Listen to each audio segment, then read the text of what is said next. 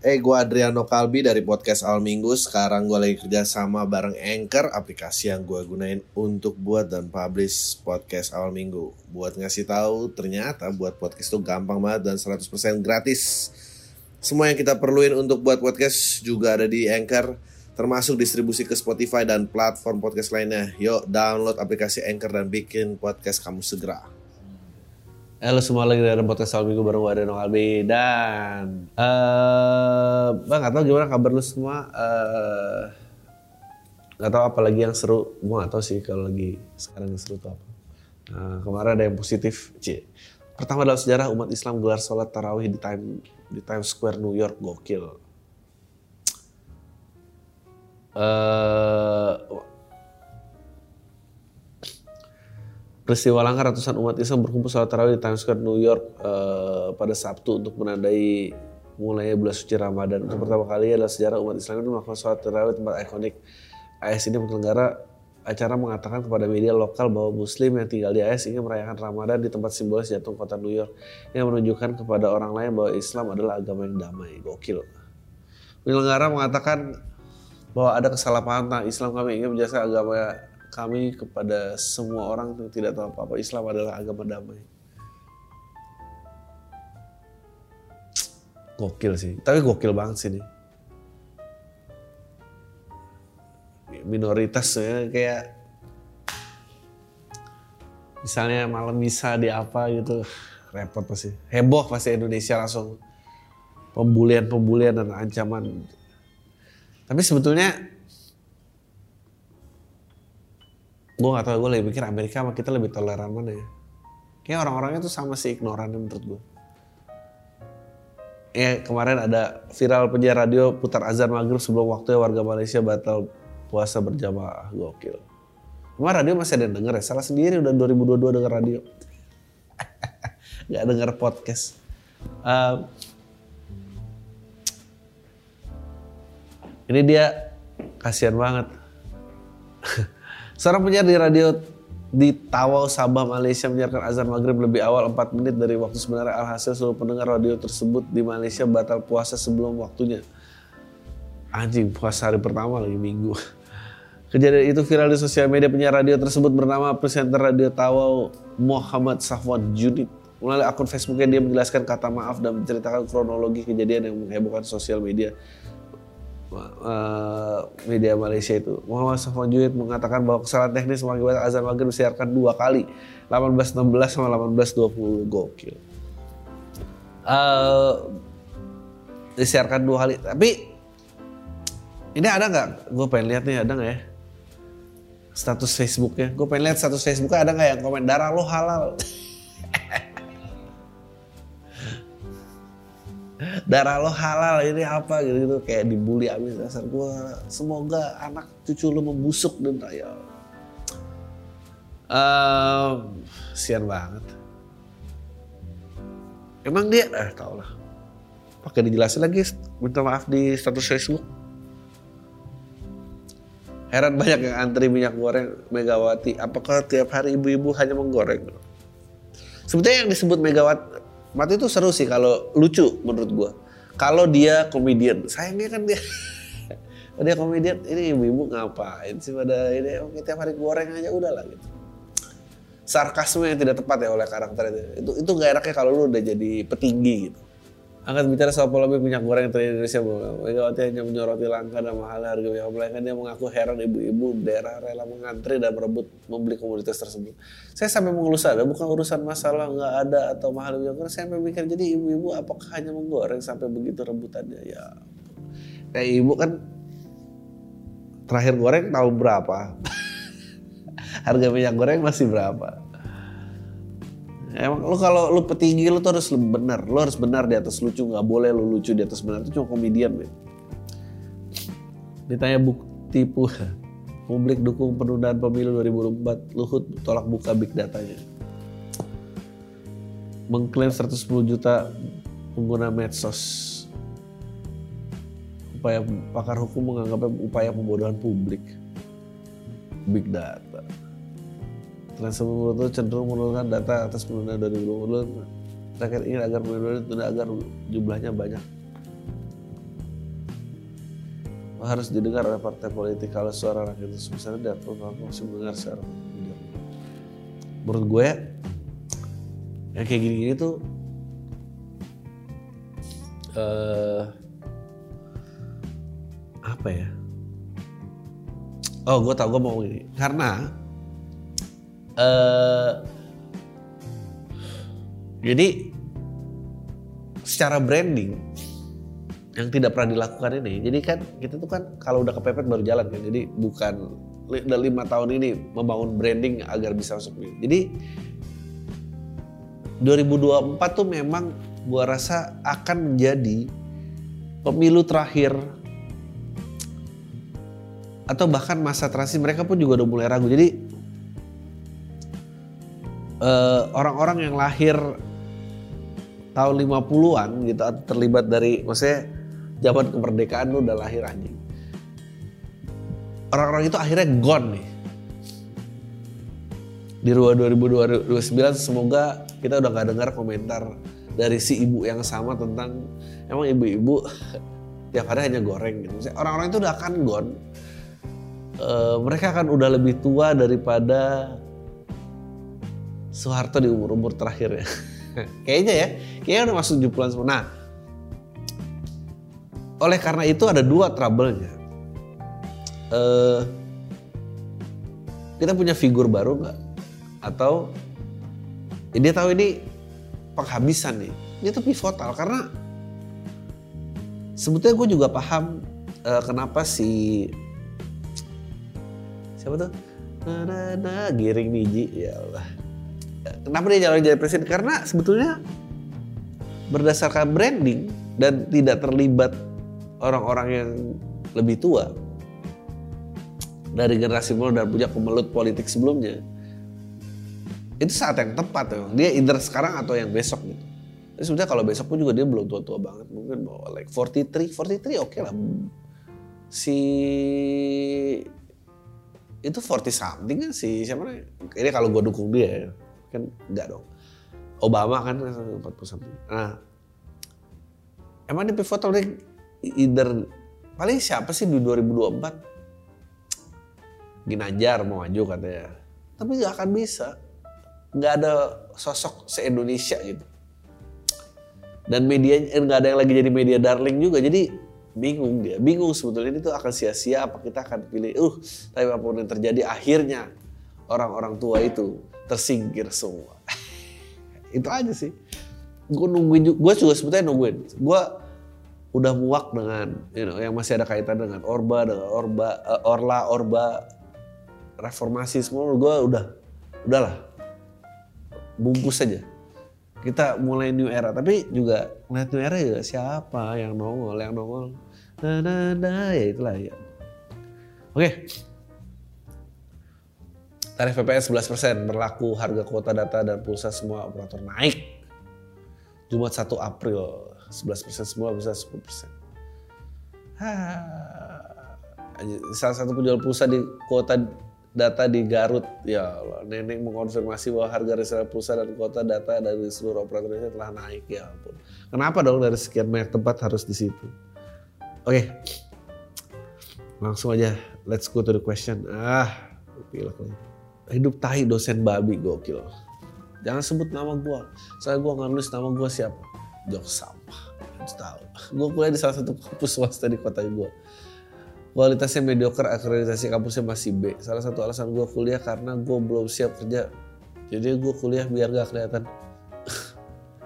Biar kelihatan ada kegiatan gak nganggur-nganggur amat. Tapi keluarga gue gak sanggup buat bikin gue kuliah gue guru SMA gue ngasih tahu ada jalur beasiswa keep kuliah keep kuliah itu program beasiswa dari pemerintah buat orang yang kurang mampu. Kalau udah beasiswa lu bebas dari biaya kuliah. Ditambah dikasih uang living cost yang tiap daerah berbeda. Paling besar itu living costnya dapat 1,4 juta per bulan. Baru gue jurusan SMK teknik komputer dan jaringan. Sehingga cerita gue masuk ke universitas terdekat dari rumah gue ada berharap dapat nih beasiswa ada berharap uang dari living costnya gue kumpulin buat beli laptop gue tahu sedikit-sedikit soal ngoding jadi pengen buat aplikasi aplikasi dan lain eh tapi kok abis satu semester gue belum dapat kabar kalau gue dapat beasiswa tersebut dapat beasiswa tersebut. Teman-teman yang lain udah nikmati biaya living cost sedangkan gue masih nunggu kabar hasilnya saya walaupun gue dapat pun atau enggak beasiswa IPA itu IP, IPK gue di semester pertama itu 37,3 dan akhirnya di semester kedua ini gue dapat kabar kalau gue nggak dapet tuh beasiswa di benak gue berpikir mampus di hidup mau berhenti kuliah udah terlanjur saya yang udah dapat satu semester mau ku, lanjut kuliah ke depan biayanya dari mana ditambah biaya semester pertama masuk ke tunggakan dan wajib dibayar kalau mau lanjut. Walaupun dapat dari keringanan dari kampus, biaya semester saya jadi dibayar setengahnya, tapi kan tetap ada yang harus dibayar pakai duit. Sedangkan gue melihat orang-orang yang dapat beasiswa kip kuliah itu malah orang-orang yang terlihat mampu tai lah. Paman gue sebenarnya udah ngasih tawaran kerja gue, tapi belum gue ambil. Orang alasan gue kuliah, salah satunya karena gue belum siap kerja, ini mulai tawarin kerja. Ya gue nggak ambil dan sekarang gue malah kayak kuliah ambil kerja tai lah hidup. Sekarang harus siap. Emang gue ditakdirkan bekerja dalam waktu sedekat ini. Gue bingung ke depannya kalau gue ambil tuh pekerjaan takut gue nggak fokus kuliah. Tapi gue kalau nggak ambil tuh kerjaan gue dapet duit buat bayar kuliah gue dari mana ditambah dosen babi saya narang ngubah jadwal kuliah tentang-tentang kuliah masih online. Ada aja dosen yang nyatuin beberapa kelas biar waktu ngajar cuma satu kelas doang. Dengan alasan saya ada rapat saya sibuk saya ada ini Thailand mesin babi gerukah jatuh saya enaknya. Kalau gue kerja pasti jam kerja yang gue keganggu. Ditambah tugas kuliah yang numpuk bukan main. Apalagi tugas kelompok yang mengharuskan gue kerja kelompok nanti. Gimana kerjaan gue kalau gue ambil kuliah nanti? Ya ada saran gak bang? Gue harus ngapain? By the way gue selalu dengerin podcast soal dengerin tugas kuliah gue buat menutup gue mau nanya lu kena covid itu dari tukang parkir atau memang lu nonton konser atau memang berhubungan bang? Terus kita ya Taylus uh, menurut gue nggak nggak akan ketemu jawabannya sampai lu jalanin. Jadi tinggal jalanin aja. Uh, eh, gue nggak tahu gimana caranya dan itu cuma ketemu dinamiknya kalau lu udah jalan. Kalau nggak susah uh, eh, gue kena covid itu karena apa ya gue nggak tahu sih karena apa tapi kayaknya gue ngerasa ya udah saatnya aja sih. Gokil. Balas dendam having sex karena diselingkuhin. Bang Ari, kalau misalnya dibaca tolong jangan sebut nama asli gue bang. Ya walaupun orang gak tau kenal juga. Tapi cowok siapa gak kenal gue siapa. Tapi cowok gue pendengar pam. Oh ini perempuan. Cowok lu pendengar pam. Oke. Jadi gini bang, gue sama cowok gue udah pacaran lumayan lama. Suatu momen dia ketahuan cheating. Bukan salah satu cewek tapi banyak. Banyak bang. Gue tahu dia sangean. Jadi gak mungkin dia cheating-cheating biasa aja pasti ada musuh-musuhnya. Nah bener aja tuh gue dapat bukti dari temennya kalau dia ngapain aja sama selingkuhannya. Teman-temannya dia rada cepu juga. Gue marah dong dan it makes me depressed. Selanjutnya nih pas putus dia ngemis-ngemis minta balikan sama gue. Gue lagi ribet kerja aja di chat mulu. Cowok kalau ada maunya emang kata-katanya manis tai kucing. Tapi gue mau tuh balikan sama dia karena emang gue masih ada rasa cinta sama dia. Emang bener kata orang cinta sama bego beda tipis. Udah kalau dipikir-pikir pacaran sama dia juga nggak bikin hidup gue makmur. Diknya kecil. Tapi di sisi lain gue juga ada niatan buat balas dendam sama dia Nah terus gue jalan sama jalan beberapa bulan gue balikan mantan gue yang dulu ngajak jalan gue iyain aja. Gue bilang ke cowok, gue bilang lah ke cowok gue. Pas pulangnya mantan gue ini ngajak gue check in. Ah gokil. Eh, gue iyain tuh, gue gak bilang sama cowok gue. Pas pulangnya mantan gue ngajakin check in, gue iyain aja. Karena gue masih ada rasa kesel sama tuh cowok. Ya udah kita having sex tuh. Mantan gue pas itu pas lagi ada masalah sama ceweknya. Makanya gue jadi makanya gue juga jadi pelariannya dia. Nah, saran lo gimana bang? Apa gue bilang aja ke cowok gue kalau gue pernah nge sama cowok lain biar dia tahu rasa cara balas dendam yang oke menurut lu gimana? Gokil. Makasih bang udah bacain. Semoga lu sehat selalu dan makin bagus karir lu. Baik ya kalau balas dendam lu harus bilang sih. Kalau perlu lu kasih videonya. Gak foto-fotonya. Uh, tapi lu harus siap kehilangan dua-duanya lu juga jangan sama yang baru. Ini mah rawan, Pokoknya jangan sampai tiga kali lah. Dua kali aja cukup. Karena sekali itu kebetulan, dua kali itu kesalahan, tiga kali itu pelanggan tetap.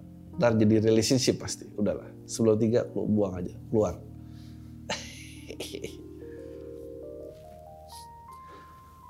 Profesional mendekati cewek dengan daddy issue, gokil. Shalom Bang Adri, tolong jangan sebut nama gue. Uh, gue saat ini umur 23 sedang merantau di Jakarta. Gue pengen cerita aja sama lo pendengar pam. Gue juga belakangan dengar podcast substitusi lo di Happy Broken Family dan bikin gue ingat kalau ternyata gue sering banget secara kebetulan deketin cewek yang punya daddy issue. Termasuk pacar gue yang sekarang. Tapi gue mau cerita salah satu kejadian yang gue deketin cewek lain di 2017 saat itu zamannya gue ospek maba. Gue sebagai senior iseng dong pengen ikut hunting maba dengan cara pendamping kelompok maba. Hari pertama ospek gue ikut jadi pendamping maba di UM, di UKM agama biar dapat kesannya anak baik-baik gue walaupun cuma jadi pendamping maba cowok-cowok gue liat maba cewek cakep. Dan kebetulan pendamping kelompoknya itu temen gue jadi gue tanya siapa nama cewek itu ke temen gue cewek itu maba ini looksnya kayak mix bule gitu bang. Itu bikin gue tertarik. Dan itu saja bukan gue doang yang hunting teman gue juga naksir sama cewek itu. Gue stalk Instagram dia ada beberapa foto sama cowok gitu. Tapi karena gue pede lebih ganteng ya gue tetap deketin aja. Gini apa ya dengerin gue tuh ganteng-ganteng jangan freak-freak gitu. Nerdy-nerdy gak sanggup ngobrol sama cewek. Uh, karena prinsip gue lebih gampang rebut cewek daripada satu orang eh uh, prinsip gue lebih gampang rebut cewek dari satu orang daripada rebutin cewek jomblo yang deketin banyak orang. Bener juga. Bagus juga ya lebih gampang ngerebut cewek dari satu cowok daripada ngedeketin cowok cewek jomblo deketin banyak orang bener-bener. Lawannya jadi banyak ya. Berapa hari kemudian gue coba kenalan sama cewek maba itu dengan cara klasik para senior. Minjem buku buat maba kebetulan cewek itu tanya di grup UKM agama.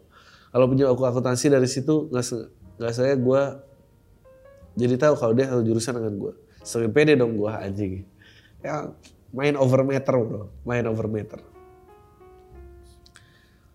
Dan gue respon dengan so cool gitu bilang gue bilang kalau gue punya bukunya dan suruh dia chat personal aja kalau mau minjem. Akhirnya dia chat gue buat minjem buku. Gokil. Dari situ sering ngobrol. Tentu saja jurus senior yang sok sharing aja kehidupan kuliah. Cari kelas dosennya kasih tahu cari auto A. Cari kelas yang dosennya auto A dan lain-lain. Dan dari obrolan itu gue tahu kalau dia mix Cina Pakistan. Widih. Gitu bang. Tapi gue lupa bokapnya atau nyokapnya yang Pakistan. Bokapnya udah cerai nikah lagi jadi dia tinggal berdua sama nyokap kandung dia, walaupun masih berhubungan baik dengan bokap dan nyokap tirinya. Bahkan karena cewek maba ini seorang model, nyokap tirinya jadi MUA dia. Jadi kalau lagi tampil dan seperti yang lo tahu bang cara deketin cewek dari isu adalah menjadi figur ayah yang gak dia dapat dari bokapnya. gue dengerin aja cerita dia kadang gue sharing tentang mata kuliah dan kehidupan kuliah sampai sampai deket banget gitulah. Bang sampai akhirnya gue kira gue memang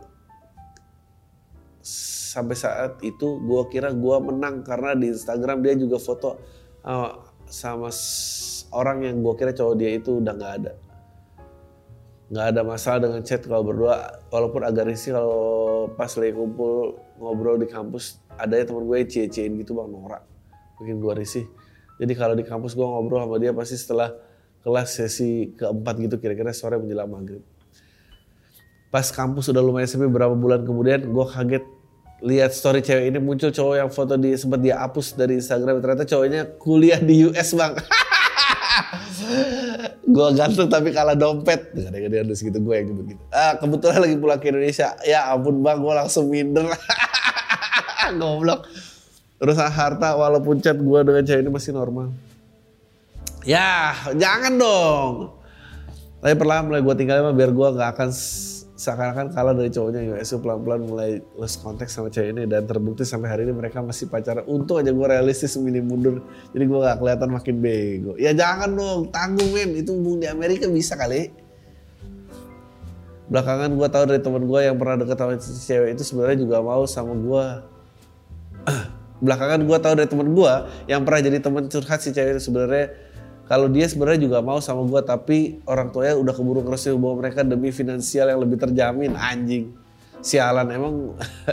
Padahal gue juga nggak miskin. Udah gitu aja bang. Ya. Sekian gitu ya cerita gue mungkin kurang lebih dari 10 cewek yang pernah gue deketin 7 punya daddy issue jadi gue berusaha udah pro, berasa ya udah profesional untuk urusan ini tapi gue pa, paling gak jago deketin cewek yang punya mental issue kalau lo berkenan ceritain ini next email bang thank you bang eh Ceritain, ceritain bro. Ceritain kayak apa? Cewek yang punya mental issue.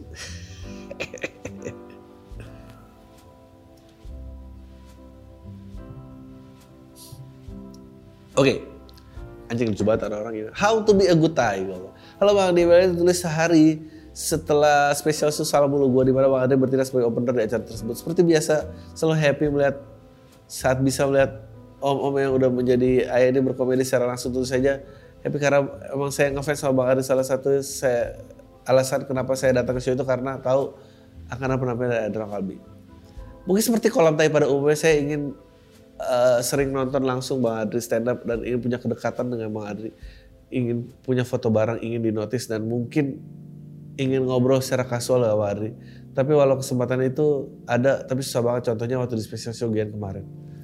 Eh, hey, gue Adriano Kalbi dari podcast Al Minggu. Sekarang gue lagi kerja sama bareng Anchor, aplikasi yang gue gunain untuk buat dan publish podcast Al Minggu. Buat ngasih tahu, ternyata buat podcast itu gampang banget dan 100% gratis. Semua yang kita perluin untuk buat podcast juga ada di Anchor, termasuk distribusi ke Spotify dan platform podcast lainnya. Yuk, download aplikasi Anchor dan bikin podcast kamu segera. Jadi setelah show beres seperti biasa ada sesi foto bareng, tapi aku putus untuk tidak foto bareng. Ngapain udah ada beberapa juga waktu event-event sebelumnya. Betul. Jadi saya langsung keluar ruangan untuk ngopi sambil cek notif yang masuk ruangan saat show. Nah, saya itu Bang Ade keluar tuh, nggak tahu kenapa saya jadi gugup dan salting goblok. Jadi sok-sokan sibuk lihat HP, padahal cuma scrolling chat yang udah gak dibalas juga goblok. Ngeliat juga nggak berani, persis kayak ketemu tetangga di jalanan komplek mata tuh so sibuk aja menghindar dari kontak biar nggak tegur sapa. Padahal dalam hati pengen juga nyapa, tapi takut dikata so asik. Udah saya keluar aja di kursi biar bisa ngerokok. Jadi saya duduk di kursi pinggir jalan sambil ngerokok sambil ngecek notif di HP ngerokok sebelum pulang. Nah lagi-lagi Pak Ari keluar tuh. Yang kaki di trotoar sama Magda, sama Magdani dan Aldi anjir salting juga. Padahal saya tahu Pak Ari nggak peduli. Sempat mikir, wah ini kan suasana di jalan nyantai bisa sekedar nyapa biar di notice gue tuh fans Bang Adriano Kalbi. Tapi gimana, masa cuma hai doang bang? Ah ampun goblok. Menurut gue sapa aja sih, halo Bang Adri gimana kabarnya gitu.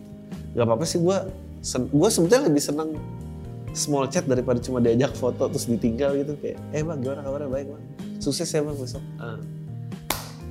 Gue selalu denger lo, oh ya sukses juga bro, apa pun yang lo ada beda masalah dalam hidup lo, apalah. Gak bisa Uh, kadang suka iri aja ngeliat orang yang pede nyamperin minta selfie ke orang yang adore terus bisa ngobrol kadang penasaran bahasa basi apa sih yang mereka ucapkan tapi sumpah salting saya ini gue nggak gaya bang ya pun lebih ringan caper ke cewek kayaknya lebih ringan caper ke cewek daripada caper ke seorang yang kita adore uh, oke okay, langsung aja ke pertanyaan bang Adri ada pengalaman membanggakan lucu atau nyebelin nggak sama fans uh, sudah bang Adri ada, ingin hubungan seperti apa sih dengan para kolam tai ya bang. Ada sorry, sorry Nora ya bang, thank you udah dibaca saya sukses terus buat Emily dan Adri sehat-sehat. Uh, uh, lu semua sama aja. Oke. Okay. Uh, sebetulnya nggak ada sih semuanya cukup baik karena uh, gue juga pertama nggak sebintang itu, kedua uh, yang semua otak aja ngobrol sering kayaknya. Uh, dan ya oke oke aja gitu. Maksudnya apa nanya kabar gimana besok ngapain apa. Nggak uh, tahu sih gue juga nggak ngerti sih kenapa. Ada beberapa orang yang sampai gemeter gue tuh bingung. So far sih sangat nice. Mungkin gue juga karena nggak ngetrit gimana gitu dan gue sering kata-kata jadi semua juga kayak cair-cair aja. Um, baru hubungan dengan seperti apa dengan para kolam tai? Sebetulnya kenapanya kenapa namanya kolam tai itu karena sebetulnya gue nggak pengen punya adoration itu kayak apalah Adri fans lah teman Adri whatever Lisius apalah itu karena gue pengennya kayak ya udah setara aja ya kita ngobrol dan apa gitu. Gue juga ke sini doing a job lo datang ke sini apresiasi gue thank you apa apa. And then you know uh, gue malah aneh ngerasa punya fans kayak apa gitu rasanya. Jadi ya kata-kataan kecil apa gitu-gitu. Oke kok. Ya gitu-gitu aja sih. Oke. okay. Gue mau minta pendapat lo kita harus bangga atau enggak sebagai warga Indonesia soal barang-barang luar hedon misalnya kayak sepatu, baju, apa-apa terus pakai istilah tag made in Indonesia yang punya kualitas terbaik dunia. Ya kita ambil contoh kayak brand Converse, Adidas, Nike dan lain-lain. Kita tahu brand itu pabriknya semua ada di Indo. Gue sama sekali nggak ya malah malu gitu karena kita tuh kayak cuma jadi pekerjaan doang atau buruh. Gue yang kurang nasionalis apa gimana? Ya, memang itu, nggak menurut gue lu bener. Uh, itu bukan produk lokal, itu namanya dibeli, itu namanya dipekerjakan. Kalau produk mendingan lu bisa juga brand lokal tapi yang bikin Vietnam gitu. Apa karena gue juga seorang buruh pabrik jadi tahu sebagai pihak yang tertindas? Gak lu bener. Karena mungkin lu tahu itu. Oke. Okay. Berapa menit ya? Ya Allah. Baru 26. Iya. Lalu bang, langsung aja gue mau cerita tentang guru yang jarang masuk tapi ngasih tugas mulu. By the way, SMK semester terakhir hari Senin besok mau uas jadi guru gue ini PNS sekaligus guru produktif kejuruan yang harusnya dia rajin masuk dong. Tapi kalau dihitung-hitung dia masuk satu bulan paling dua sampai tiga kali padahal seminggu dia ada dua jadwal di kelas gue. Gue kesel sama nih guru kalau masuk tiba-tiba ngasih tugas mana tugasnya nggak nyambung sama pelajaran yang dia bawain. Misalnya nyuruh bawa pupuk kandang ke rumah dia udah gaji buta nyusahin murid lagi. Ngapain sih dia bawa pupuk kandang? gue gak tau men gue gak pernah punya guru kayak gitu bawa gandang aneh banget dosen lu oke okay. ah Bingung sebenarnya jadi orang baik atau jahat. Halo bang, gue kemarin kirim email yang pergi ke Tegal biar keren pakai rib jeans. Huh? Oke bang, kali ini gue mau nanya soal keresahan gue dan butuh pendapat lo. Jadi ceritanya, Dulu pas 2015 gue jadi mahasiswa tingkat akhir di salah satu universitas swasta di kota Semarang. Pas tahun itu bang, ada tren banget tuh yang namanya Jones, jomblo ngenes, gokil. Gue paling sering diceng-cengin sama tonton gue. Soalnya gue waktu itu emang lama banget jomblo. Nah singkat waktu, gue emang pas itu sering main ke kosan temen gue cewek. Dan gue bener-bener gak ada rasa sama temen gue yang itu. Karena emang cuma teman akhirnya ada tuh bang. Satu adik kosannya. Dia satu semester di bawah gue ada jurusan lain. Notice ke gue bang. Skip skip. Akhirnya si teman gue bilang kalau adik kosan itu naksir sama gue bang terus abis itu ya udah bang gue daripada kelamaan jomblo ini mumpung ada adik angkatan yang suka sama gue gue pacar aja bang. Even sebenarnya gue juga gak suka sih cuma ya udahlah.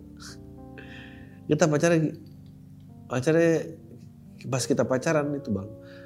Dia cerita kalau dia itu sering banget digodain sama cowok lain di universitas lain seangkatan sama dia. Meskipun si cowok ini udah tahu kalau ini cewek sekarang punya pacar dia tetap godain bang sampai si cewek itu ilfil.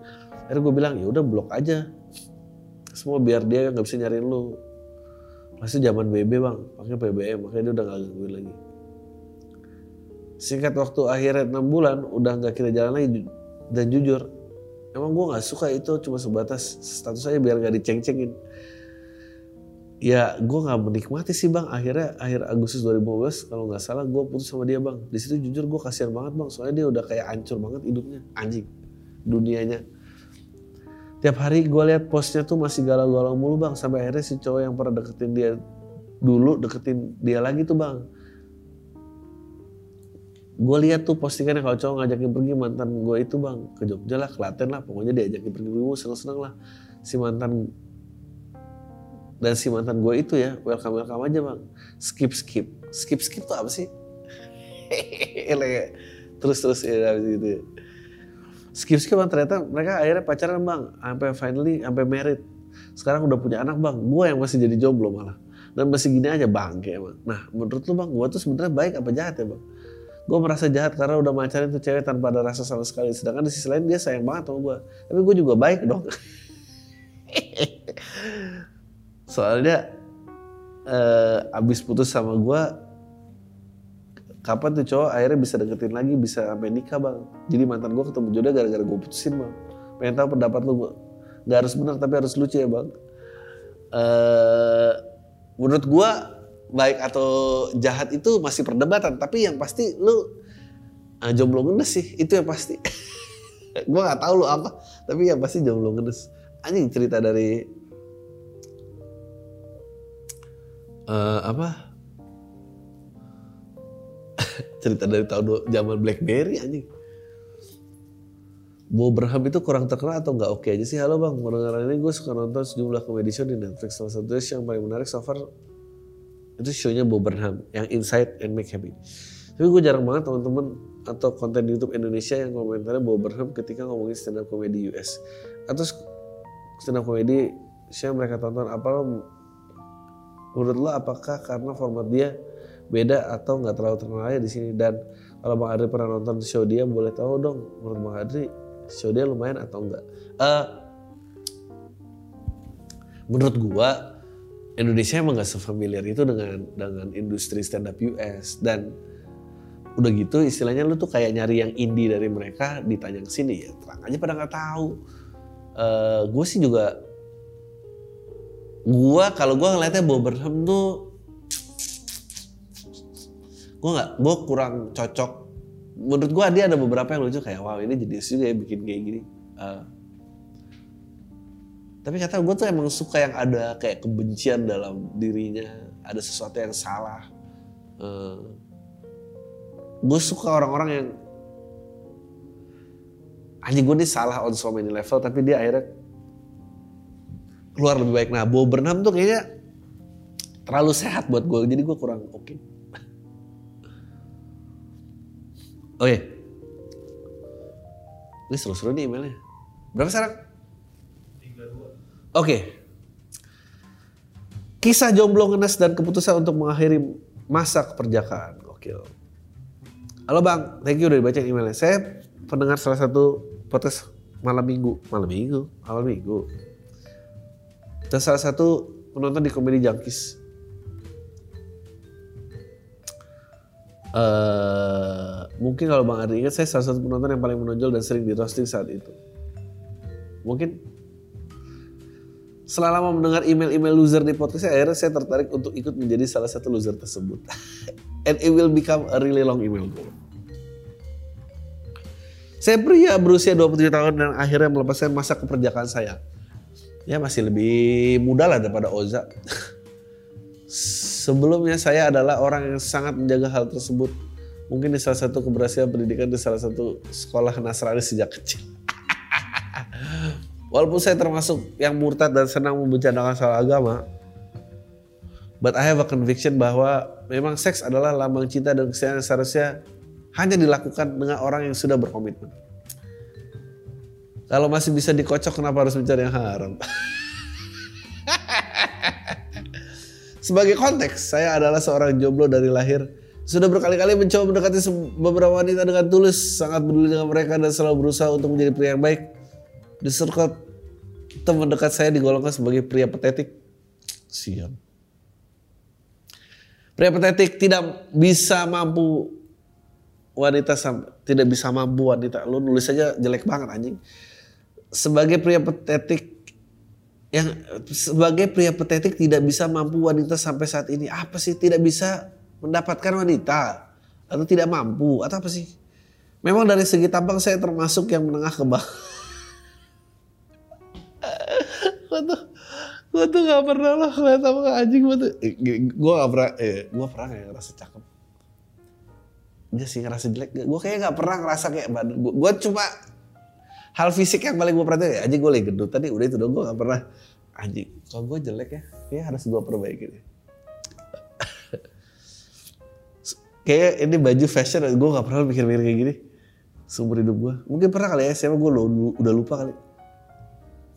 Sudah berusaha memperbaiki fashion berubah potongan rambut beli parfum mahal dan berbagai cara yang masih bisa diusahakan oleh manusia. Dulu ada mengatakan udah fokus di karir dan cari uang lu nanti wanita pasti datang. Kalau kamu sudah punya uang. Sa- saat ini pendapat saya pendapatan saya sudah dua digit dengan kepala dua. Gokil Walau kadang kalau sales insentif turun bisa kena ke kepala empat tapi kenyataannya masih nihil wanita yang saya dapatkan. Gila penghasilan lu gede banget ya. Kadang suka bingung dengan pria jelek gendut tapi ceweknya shining, shimmering, splendid. Gimana cara dapetin? gue juga, gue juga, gue juga, gue juga, gue juga. Ada kayak ya, apalagi yang etnisnya, you know, seberang sana. lebih banyak lagi I, I don't know apa karena semua doktrinasi uangnya tuh selaras gitu ya? Kalau Melayu nggak gitu-gitu banget. Uh, ceweknya slimmering splendid goblok. Udah berbagai baca buku saya baca cara how to get a woman dan bagaimana cara mereka berpikir tapi masih nihil juga dari usaha saya. Aja goblok banget.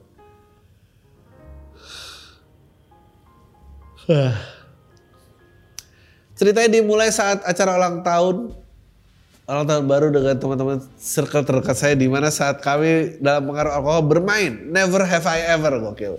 Lu dari pendapatan dan permainan lo, lu tuh anak menengah ke atas. Semua orang di ruangan termasuk sudah melakukan seks kecuali saya. Bahkan mereka sudah menik sudah menikah mengaku kalau sudah melakukan lebih dahulu saat masa kuliah dulu. Di sana terbongkarlah para fuckboy fuckboy ulung dan body count mereka. Di mana sebelumnya saya pikir mereka semua hanya memegang paham yang sama dengan saya. Jadi lu selama ini perjaka lama karena ayah lain, sebetulnya juga masih perjaka. Karena cerita ini tidak pernah terdengar dari zaman dulu saat kami masih kuliah bersama di mana setelah event-event tersebut berlalu tiga minggu saya uring-uringan dan berpikir mau ke mana arah saya melangkah selanjutnya. Akan tetapi saya berhasil menjaga conviction dan saya melanjutkan tahun tersebut dengan normal sedangkan satu tahun berlalu. Di mana pada akhir tahun tersebut saya masih berusaha mendekati wanita yang sudah menolak saya berkali-kali pada tahun tersebut.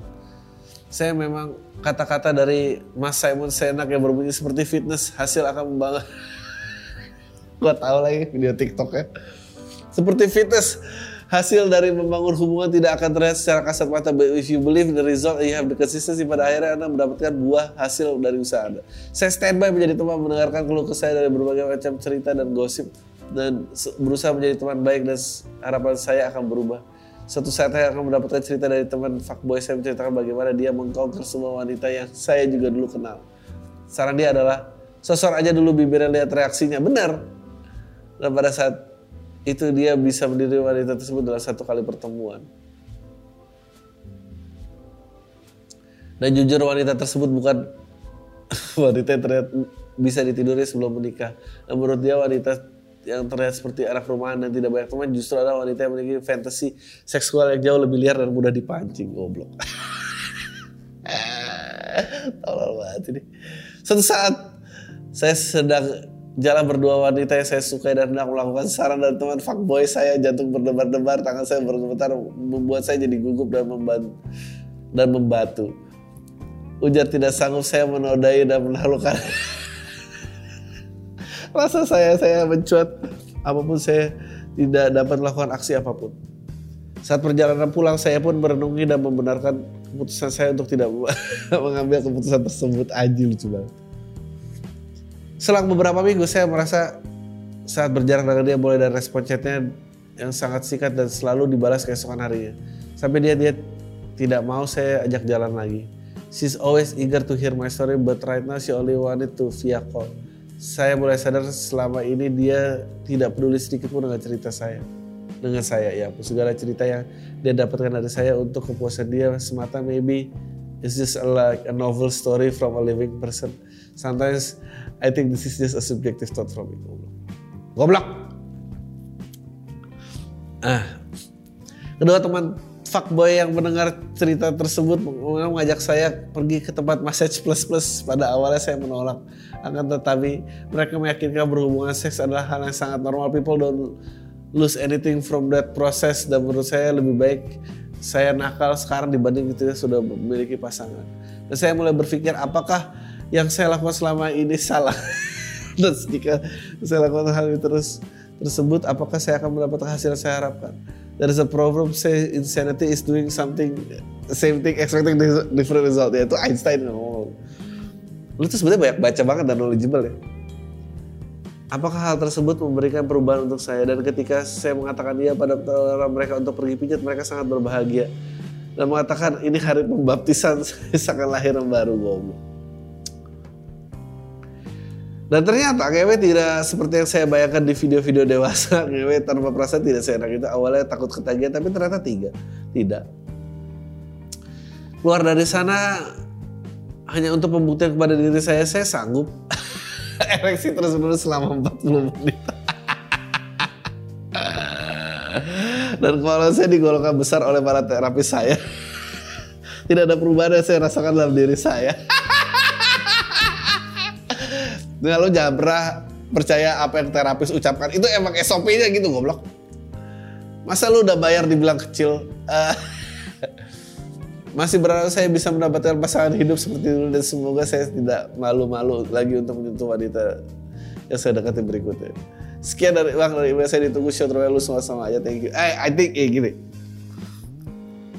Ini yang lo alami. Menurut gua dan ini 85% dari orang. Eh, gue sering banget ini jadi topik di rumah.